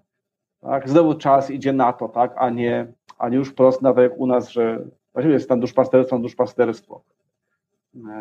Ale w wielu krajach, mi się wydaje, że też w wielu krajach będzie to funkcjonowało coraz bardziej, tak? I to, to jest pytanie o, e, może nie w ten sposób, tak, ale generalnie o, o pracę, bo te etaty to nie są wymyślone tak na zasadzie takiej, że ale fajnie było mieć etat, tak? No, etat to są pieniądze, a pieniądze są potrzebne, żeby płacić pewne rzeczy, żeby płacić ubezpieczenia społeczne, tak, zdrowotne i to wszystko. Trzeba to mieć, żeby się utrzymać. E, a więc gdyby się w Polsce zmienił sposób utrzymania kościoła, finansowania kościoła, to też możemy w pewnym momencie stanąć przed no, takim wyzwaniem no, konieczności, tak? Po prostu no, pracy na etat. E, I ostatnie pytanie e, z czatu, które można by powiedzieć w ostatniej chwili się pojawiło, także ktoś miał dobry timing. Czy wiedzą ojcowie o krajach, w których Dominikanie są obecni, ale brakuje połączeń z kulturą akademicką? Czyli jak rozumiem, chodzi o, o to, czy istnieją takie kraje czy prowincje, w których Dominikanie pracują, ale w ogóle można powiedzieć, e, nie mają związków ze środowiskiem akademickim, czy jako duszpasterze, czy jako prowadzący mm, uczelnie albo inne instytucje naukowe. Tak. Ojciec, tak. Oczywiście. Myanmar. nie, to znaczy e, świat jest duży i zakon jest e, w różnych miejscach na świecie e, na bardzo różnym etapie też e, rozwoju, tak, obecności. E, rzuciłem Myanmar, bo pamiętam gdzieś tam, ale to sprzed lat, z rozmów, kiedy, kiedy, kiedy Wietnam prowincja Wietnamu posyłała dwóch pierwszych braci, którym pozwolono tylko dwóm być. I wiadomo, że oni prawdopodobnie no, nie mogą się oficjalnie pojawić na uniwersytecie. Tak? Gdzieś tam władze pozwalają być jako księżom. Mało może ich obchodzić to Dominikanie. Oni muszą pokornie zaczepić się o jakąś pracę parafialną. E, I potem licząc na to, że po latach coś z tego będzie. Także tam, gdzie Dominikanie mają pełną wolność struktur, mają prowincje, mają. E, nie wszystkie prowincje mają swój własny dom studiów. Tak? W wielu prowincjach bracia studiują na uniwersytetach albo studiują e, w seminarium duchownym. Bo nie zawsze prowincja jest wystarczająco duża, żeby mieć profesorów, żeby mieć zaplecze, żeby mieć środki finansowe, e, ale te sytuacje są bardzo różne. Myślę, że naturalne będzie, że bracia będą szukali kontaktu ze światem akademickim, ale że wprost pod tytułem robimy duszpasterstwo akademickie, no e, to mi się przypomniało, wizytowałem braci w Albanii. E, coś robili, jeden z nich bardziej akademicko, ale został biskupem, więc odpadł. A ci bracia, z którymi byłem, no, pracowali przede wszystkim wśród ludności bardzo ubogiej. Znaczy ubogiej to zresztą bardzo mało powiedziane, żyjącej w nędzy.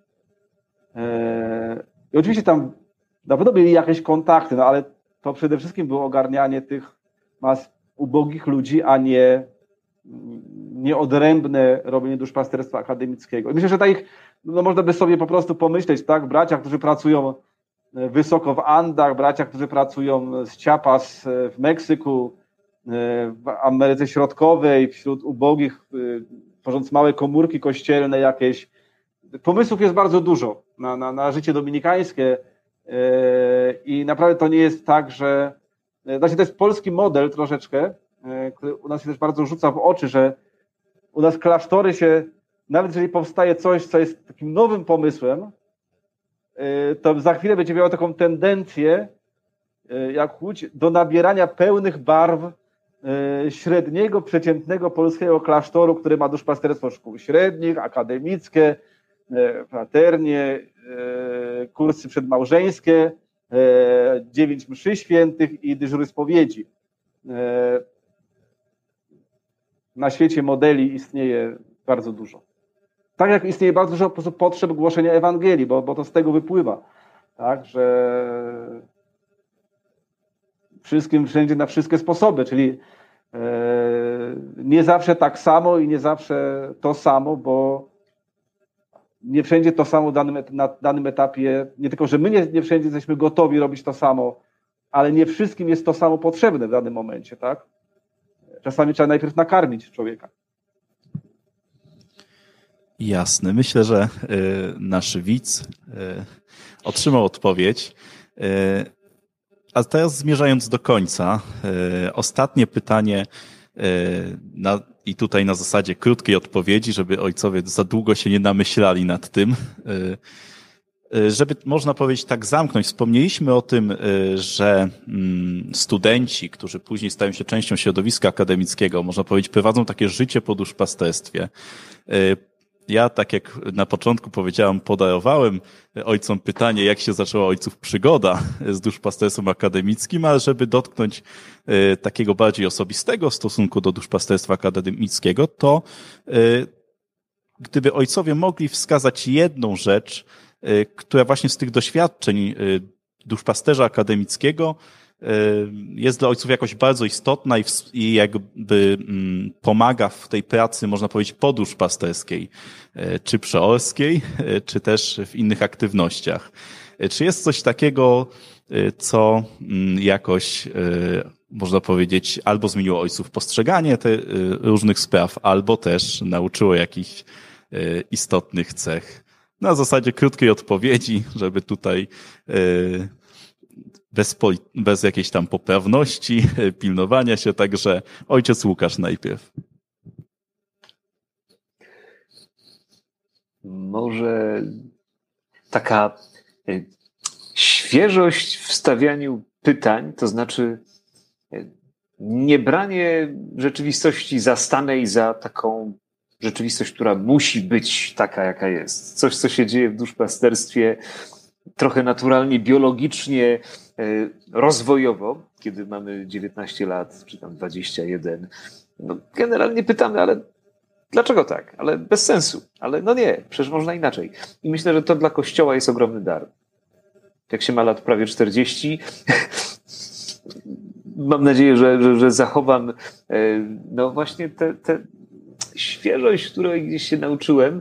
E, no tak, bo, bo Pan Bóg jest zawsze większy, zawsze jakoś inny i, i Kościół jako odpowiedź na to, jak Bóg do nas przychodzi, no on też musi być otwarty na tą, na tą pewnie nowość i musi stawiać ważne pytania. Więc to byłaby ta jedna rzecz, która mam nadzieję, że ze mną zostanie. Ojciec Wojciech. E, jednym słowem najkrócej, e, to była pokora. Y, bo byłem duszpasterzem zaraz po święceniach y, w beczce i to był taki czas, kiedy zdecydowanie y, ta beczka się odradzała praktycznie z popiołów. Ja byłem razem z ojcem Wojciechem Prusem, był tam pierwszy. Kiedy się wydawało, że oczywiście pewnym poczuciem swojej tam słabości, ale jednak człowiek coś wiedział. Natomiast Adrian był świadkiem E, wielkiego powrotu e, po 18 latach do duszpasterstwa akademickiego, kiedy musiałem się nauczyć, że no, a ja właściwie to ja nie wiem, jak to robić. I wszystko jest nowe i wszystko jest inne. Trochę tej świeżości, nie? To, że nagle się okazało, że, że nie, że ja, ba, ja nie tylko nie mogę bazować na tym, co tam w dzieciństwie było, tak? E, bo to dokładnie 18 lat różnicy, tak? Znaczy, no, dla tych, którzy tam w tym duszpasterstwie byli, to szczególnie tak abstrakcja zupełna. Ale tak, znaczy ja też się nauczyłem i, i, co mi pomogło też, nawet też w byciu przeorem, tak, że ja naprawdę wielu rzeczy nie wiem, no i muszę się dobrze wsłuchiwać, żeby się dowiedzieć, tak, i że, że nie ma szybkich odpowiedzi. E, no właśnie to z tego czasu, kiedy byliśmy w duszpasterstwie też to spotkania, niewiele osób, gdzie z ojcem Marcinem Jeleniem się namęczyliśmy, myśląc, ale jak to zrobić, a jak dotrzeć, a jak, a jak to ma zadziałać w ogóle.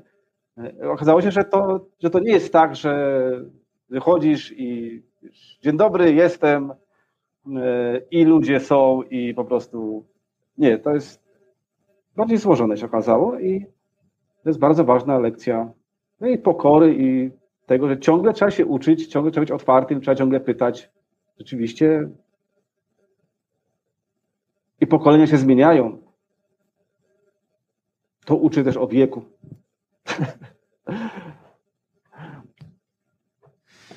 Bardzo ojcom dziękuję. Myślę, że y, możemy zakończyć y, tym takim, można powiedzieć, y, osobistym spojrzeniem na, na te doświadczenia z y, duszpasterstwa akademickiego. Y, to była niezwykle przyjemna, szybka podróż dookoła świata. Od Alaski po Rosję, chociaż to w sumie nie tak daleko. Zależy od której strony patrzeć. Cóż, bardzo dziękuję ojcom jeszcze raz. E, mam nadzieję, że jeszcze przy innej okazji będziemy mogli sobie opowiedzieć o innych doświadczeniach e, spoza granic e, naszego kraju. Bardzo dziękuję wszystkim, którzy nas oglądali za pośrednictwem YouTube'a. I cóż, nasze spotkanie się kończy, ale jubileusz się nie kończy jeszcze i ze wszystkimi kolejnymi inicjatywami, ale także z tym, e, co już za nami, możecie e, się dowiedzieć e, na stronie dadominik.pl oraz w specjalnej zakładce. Zachęcam do zapoznania się z poprzednimi spotkaniami jubileuszowymi, o których wspominałem na samym początku. To wszystko można znaleźć na kanale YouTube. A jeżeli chcielibyście nas wesprzeć, E, to jest taka możliwość. E, wszelkie informacje e, znajdziecie na stronie duszpasterstwa. Jest to zawsze dla nas pomoc. Można to zrobić na przykład za pośrednictwem serwisu Patronite. Także jeżeli chcecie mm, nas wspomóc, to zapraszam, ale bardzo też liczę na to, że skorzystacie z naszych kolejnych zaproszeń, no i zapoznacie się z tym, co już za nami. Ja jeszcze raz dziękuję bardzo ojcom, naprawdę. E, to, był, e, to była świetna przygoda e, za pośrednictwem wprawdzie internetu, ale wiele się dowiedzieliśmy o tym, jak wygląda świat poza naszym polskim podwórkiem. Także dziękuję wszystkim i do zobaczenia, do usłyszenia już niebawem.